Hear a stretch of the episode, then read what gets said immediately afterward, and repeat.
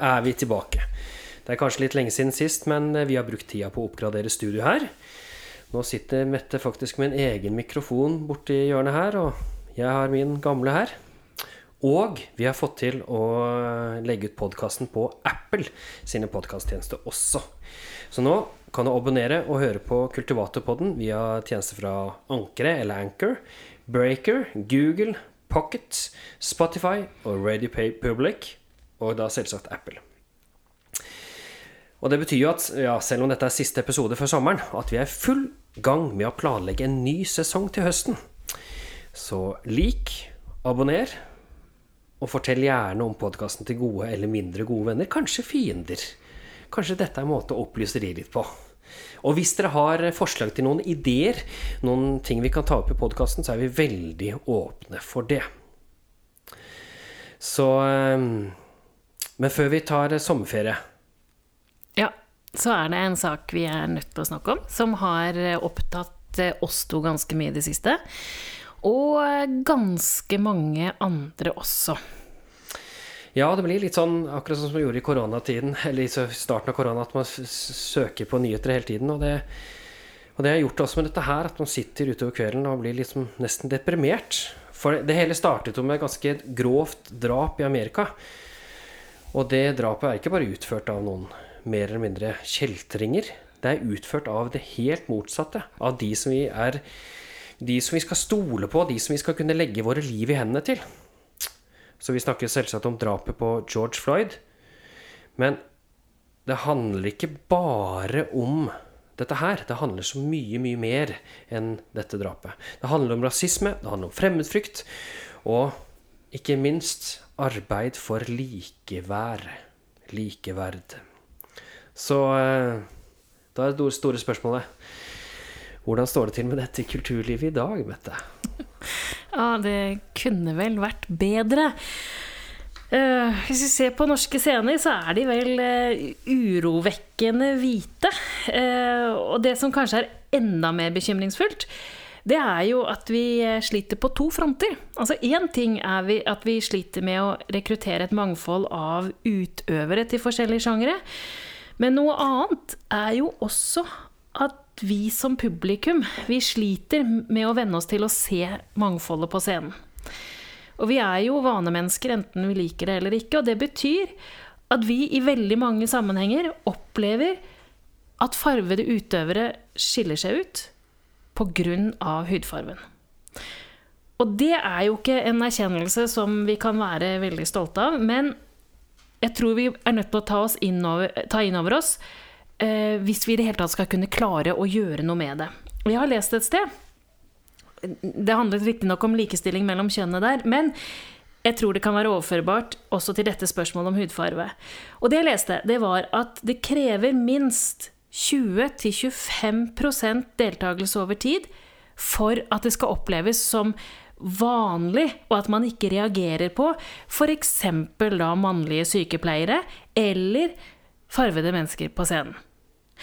Og det vil si at om vi ikke skal oppleve farvede på scenen som annerledes, eller som unntak, eller som ja, noe vi ikke er vant til å se, så må de altså være overrepresentert over svært lang tid. Og selv i flerkulturelle USA, som ifølge Store norske leksikon godt over 70% av befolkningen er hvite, og faktisk bare 13% afroamerikanere, så må de også der dersom teorien stemmer, være overrepresentert for at ikke vi som hvite publikummere da skal si at hm, dette var underlig, dette var et unntak, og at vi eh, opplever det som uvant å se farvede på scenen. Og det gjelder jo ikke bare kulturlivet, men alle samfunnsområder. Men hvordan er dette, dette her i musikken? Altså eh, Vi er ganske godt vant med at musikere har ulike farger Eh, på huden sin.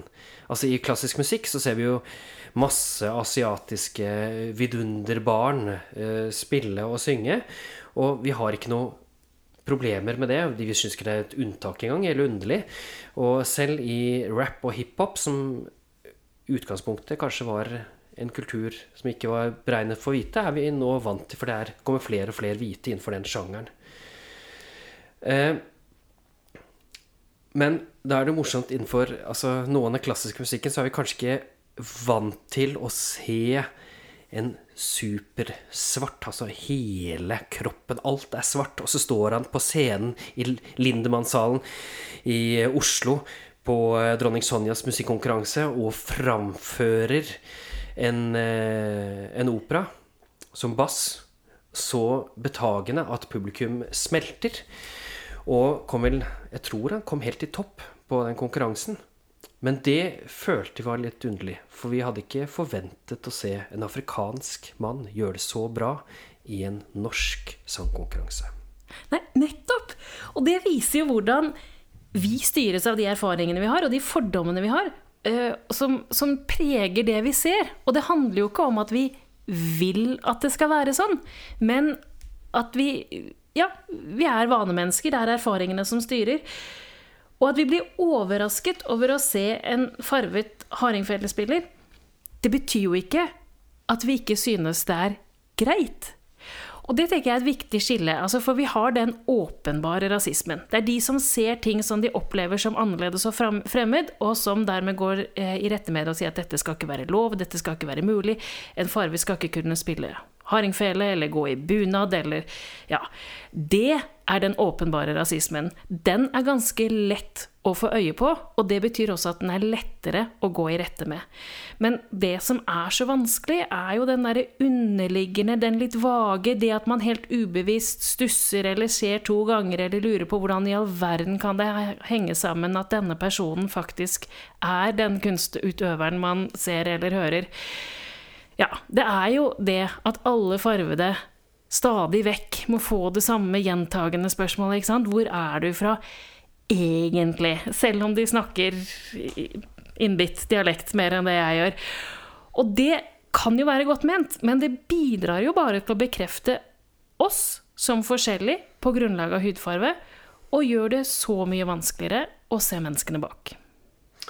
Ja, så det du også sier, er at for at det skal være greit at en med annen hudfarge, eller kanskje bare fra et annet land, eh, skal eh, delta i hardingfelle klasse A på landskapsleiken Først må man ha kvalifisert seg gjennom to runder. Og jeg må si at vi er godt på vei der nå. At vi klarer å få noen opp i A-klassen som ikke er så supernorske. Så må altså minst 20% av deltakerne i A-klassen være, være av den typen, da. Ja, eller for at vi ikke skal lese så mye som på et øyenbryn, iallfall, så må det nok det. Men så er kanskje ikke det et veldig realistisk scenario, og jeg vet ikke helt om det er et mål i seg selv heller, men det som er viktig, det er at vi vet om dette. Og at vi vet at enten vi vil det eller ikke, så er det lagt noen ekstra barrierer og hinder i veien for farvede som kommer i tillegg til den åpenbare rasismen. Og skal vi komme noen vei og nærme oss et mål om like muligheter for alle, så er det kunnskap som gjelder. Vi må vite, vi må forstå, og vi må erkjenne. Hit the road, Jack, and don't you come back no more, no more, no more. Hit the road, Jack, and don't you come back no more.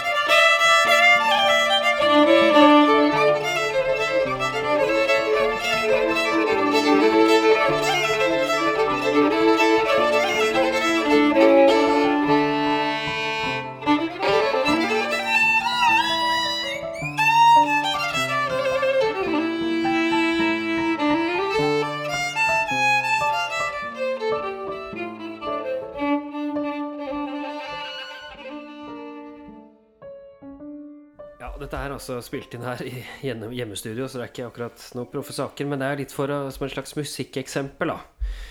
For dette er en hit som Ray Charles gjorde kjent. Eller det er mange flere enn han. Men uh, han har en ganske kul versjon, i hvert fall. Og det baserer seg kanskje på noe som man tror ble funnet opp da, men det er jo ekstremt gammelt. Det er så gammelt som det kan være. Altså Vi finner det jo i klassisk musikk og barokkmusikk og enda lenger tilbake. Men hørte at jeg etter hvert la på en liten halling der, og da kan vi høre forskjellen på hvordan vi presenterer melodi i den tradisjonelle norske musikken, og hvordan den ble da i møte med den afroamerikanske musikken. Altså, i hallingen så er det dam-dam, og i den afrikanske musikken så er det ba-da.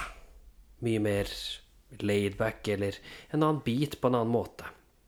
Hallingen dere hørte, var forresten fra Lødningen i Nordland. Litt sånn kul liten sak. Men altså Tilbake til dette her som det handler om nå, da. Altså, Fins det noe rasisme i det norske kulturliv i det hele tatt? Ja. Eh, og, hvis vi skal se litt historisk på det, så har vi jo en historie som ikke er så veldig ulik andre land som vi kanskje skulle tro. Altså at ting har skjedd i så mye mindre skala her, betyr jo ikke at vi har rene hender av den grunn. Og den Ja, de lærde strides litt, da. Men den første mørkhudede man kanskje kjenner til, eh, er en, en Christian Hansen. Som eh, først kom i tjeneste i Kragerø, og senere fikk eh, kongebrev på å være oppmåler og veier i, i Kragerø. Eh, folkehistorien skal ha det til at han eh, var postmester og ble drept, men det stemmer nok ikke. Men altså på 1600-tallet, omtrent samtidig som de første slaveskipene kom til USA, så kom det også afrikanske tjenere til Norge. Og de var jo, eh, de var jo et fåtall, men det betyr at her i Norge så kjente vi også til andre kulturer og andre folk og andre land. Og, eh, og det gjorde vi jo altså, vi var jo et reisende folk også. Vi hadde jo båter, vi seilte, vi visste jo dette her. Og i rosemalingen f.eks. så ser du massevis av eksempler av ja, Massevis var kanskje en overdrivelse, men du ser eksempler på eh, elefanter. Eh, mer eller mindre gjenkjennelige elefanter. Og det betyr jo ikke at maleren nødvendigvis har sett en elefant, men man visste at de fantes. Og man visste sånn noenlunde hvordan de så ut. Og det gjelder jo også fremmede kulturer. Altså, vi var fullstendig klar over at vi her i nord hadde vårt utseende, vår kultur, og der ute i verden så fantes det ganske mye annet. Men, men det er jo altså Her i Norge så har vi på en måte vært eh, Vi har ikke hatt det vanvittige eh, forskjellen mellom, eh, mellom høyere stand og lavere stand. Så hvordan var det vi Hva skilte oss mot Europa der, da?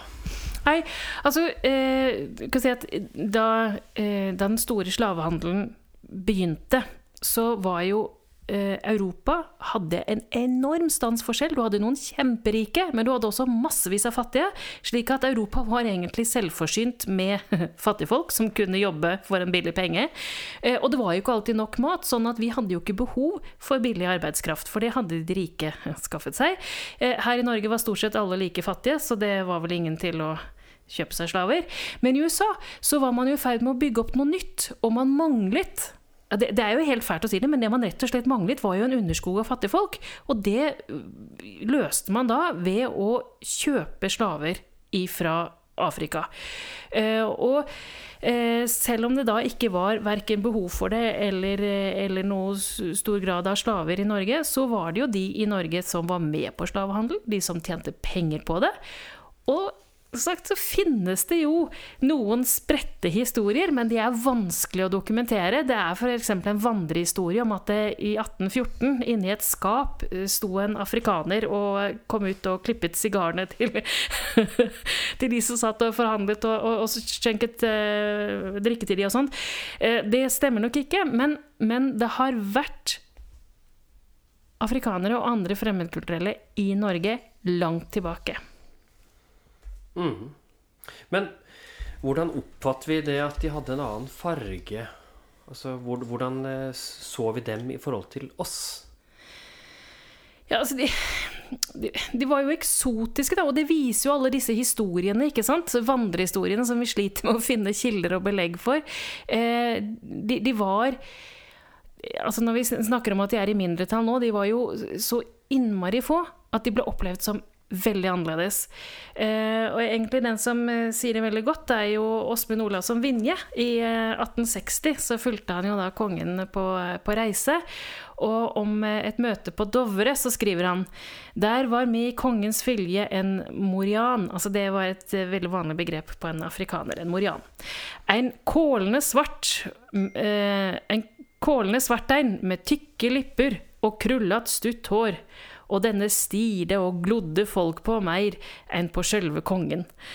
Og det er jo Altså, det viser jo hvor eksotisk og annerledes det er. Og så er jo spørsmålet hvordan nærmer du deg det som er eksotisk? Altså, er det noe du har lyst til å bli kjent med og lære mer om, eller er det noe du syns er skummelt og fremmed?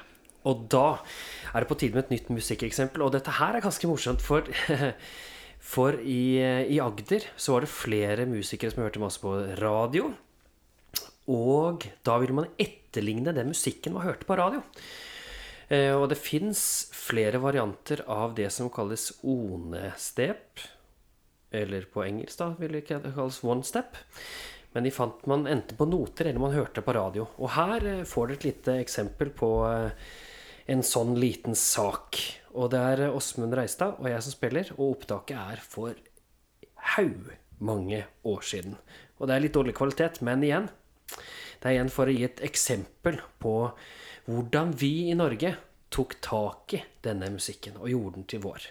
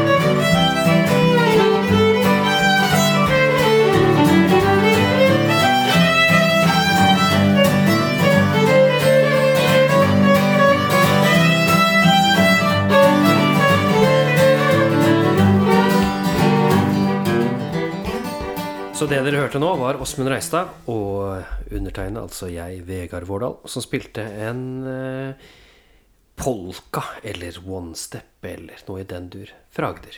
Mm. For, eh, for, det som er, som sagt, denne fascinasjonen for det fremmede og det som oppleves som annerledes det, altså, Som en afrikaner på Dovre i 1860, det har vakt ulike reaksjoner. Noen blir redde og mistroiske, og andre nysgjerrige og vitebegjærlige. Og heldigvis, det er jo ikke få eksempler på afroamerikansk påvirkning i musikkhistorien og i populærkulturen.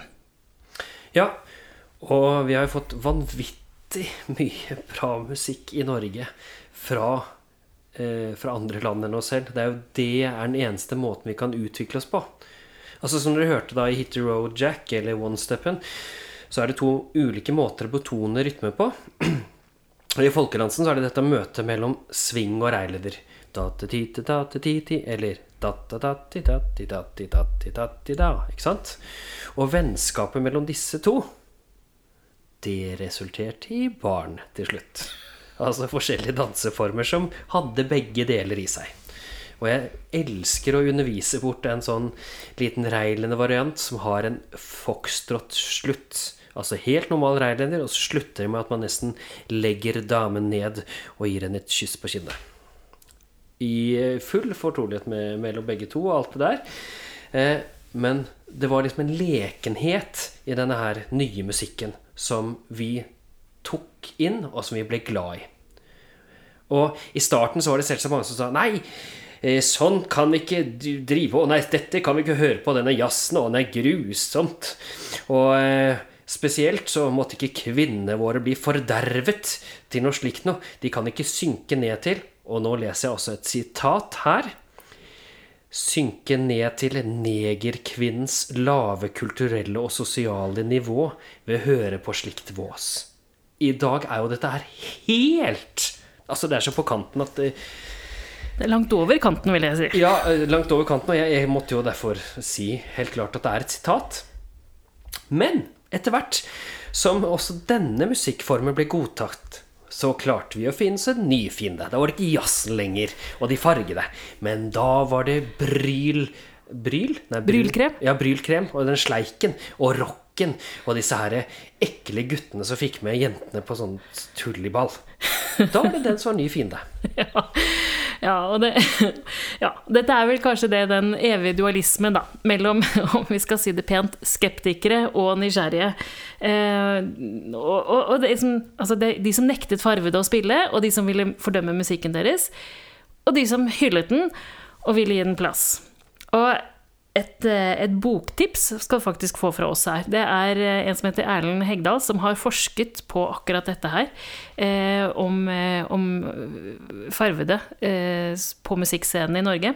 Boken heter 'Charleston i Grukkedalen'. Eh, afroamerikanske artister på norske scener. Fra blackface-komikere til Louis Armstrong. Og det er altså en fantastisk fortelling om akkurat denne dualismen, om rasisme og musikklede, om kulturutveksling og om frigjøring, og hvordan dette eh, møtes og brytes og skaper både mye ny bra musikk og også en del utfordringer. Ja, det var der jeg hadde hentet sitatet mitt fra. Men altså, det viser jo hvor vanskelig det er med kulturmøter, da, ikke sant?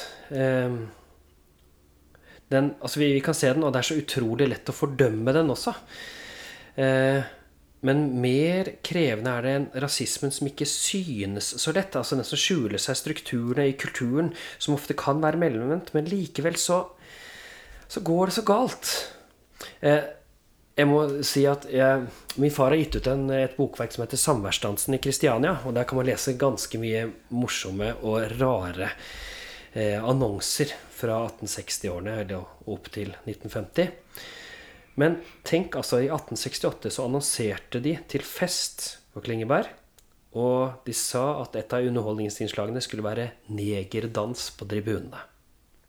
Men da må det også nevnes at det er på, det er på lik linje med numedalske bondekoner kledt i brudedrakt fra 16. århundre. og det morsomme også, Det var ikke bare det at det var for voksne her, men de hadde jo også egne temafester for barn, som skulle altså ha barneball, altså børneball. Og da, hvorfor ikke ha temaet neger? Ja. Det skal ikke være lett. Og det kan være velment, og så kan det bli så innmari feil.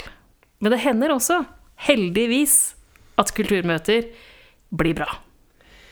Her skal du få et lite mashup, en liten sånn sammenkobling av noen lyder fra noen år jeg har vært i Kina.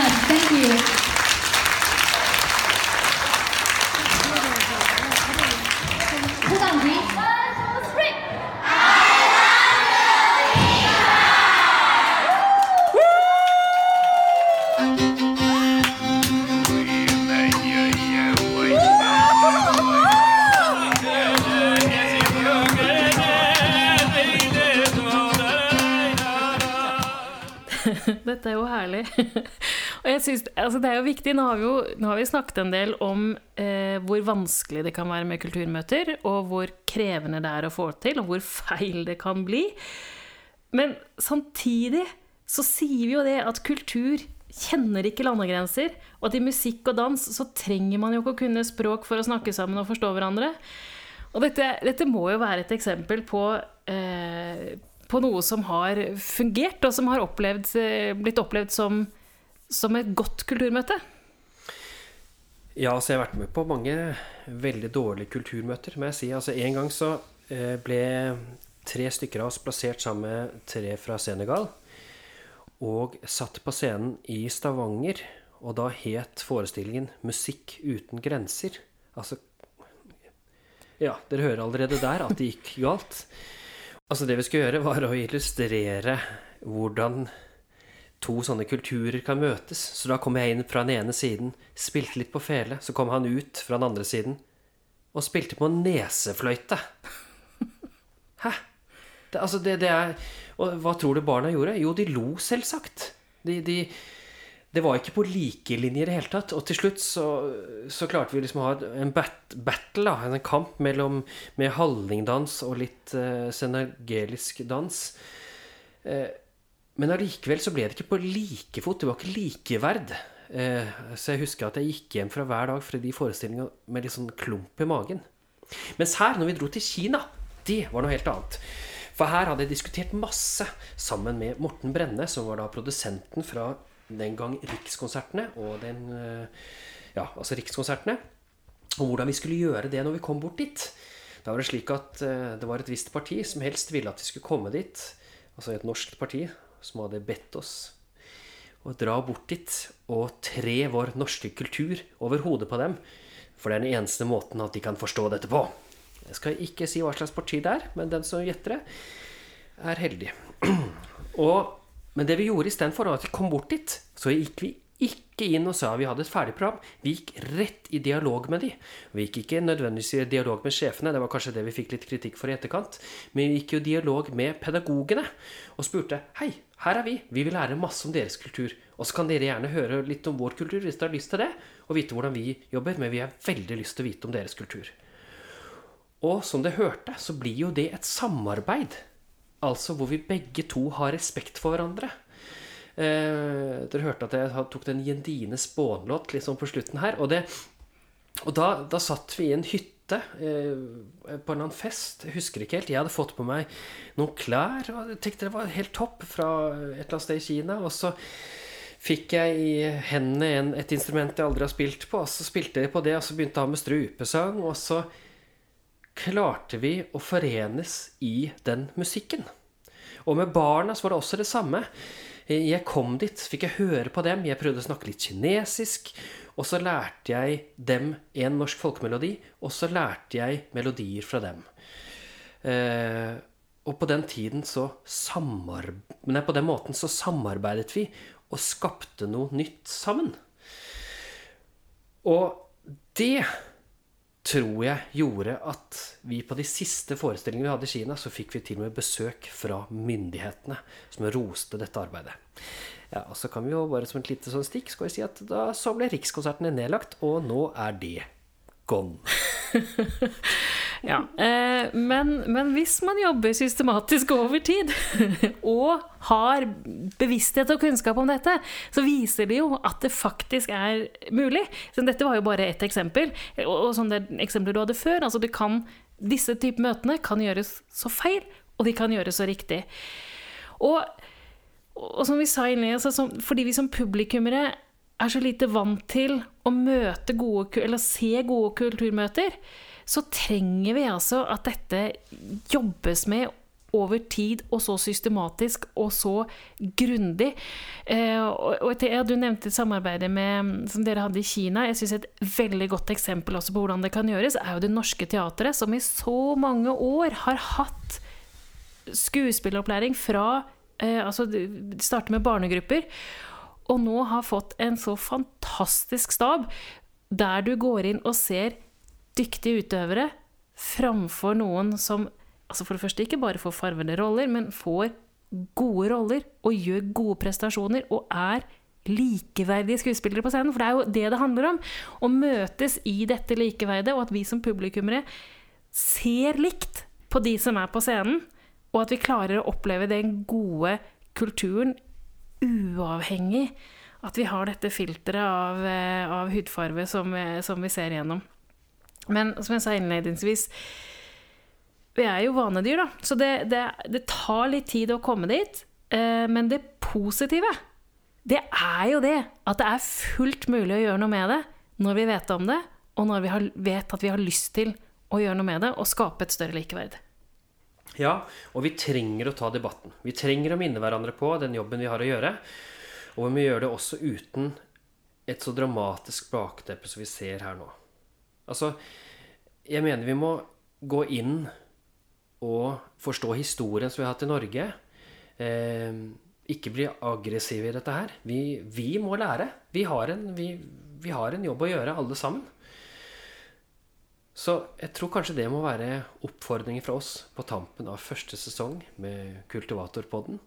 Og så må vi jo si at vi håper å se dere, eller høre dere fra dere. Og da kan du bare gå inn på kultivator.no og sende oss en melding der.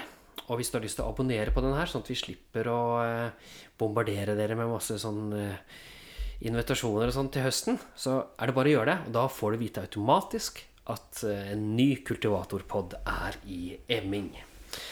Så da slutter vi som vi begynte, med en liten eh, springleik som går over i en lite jazzriff.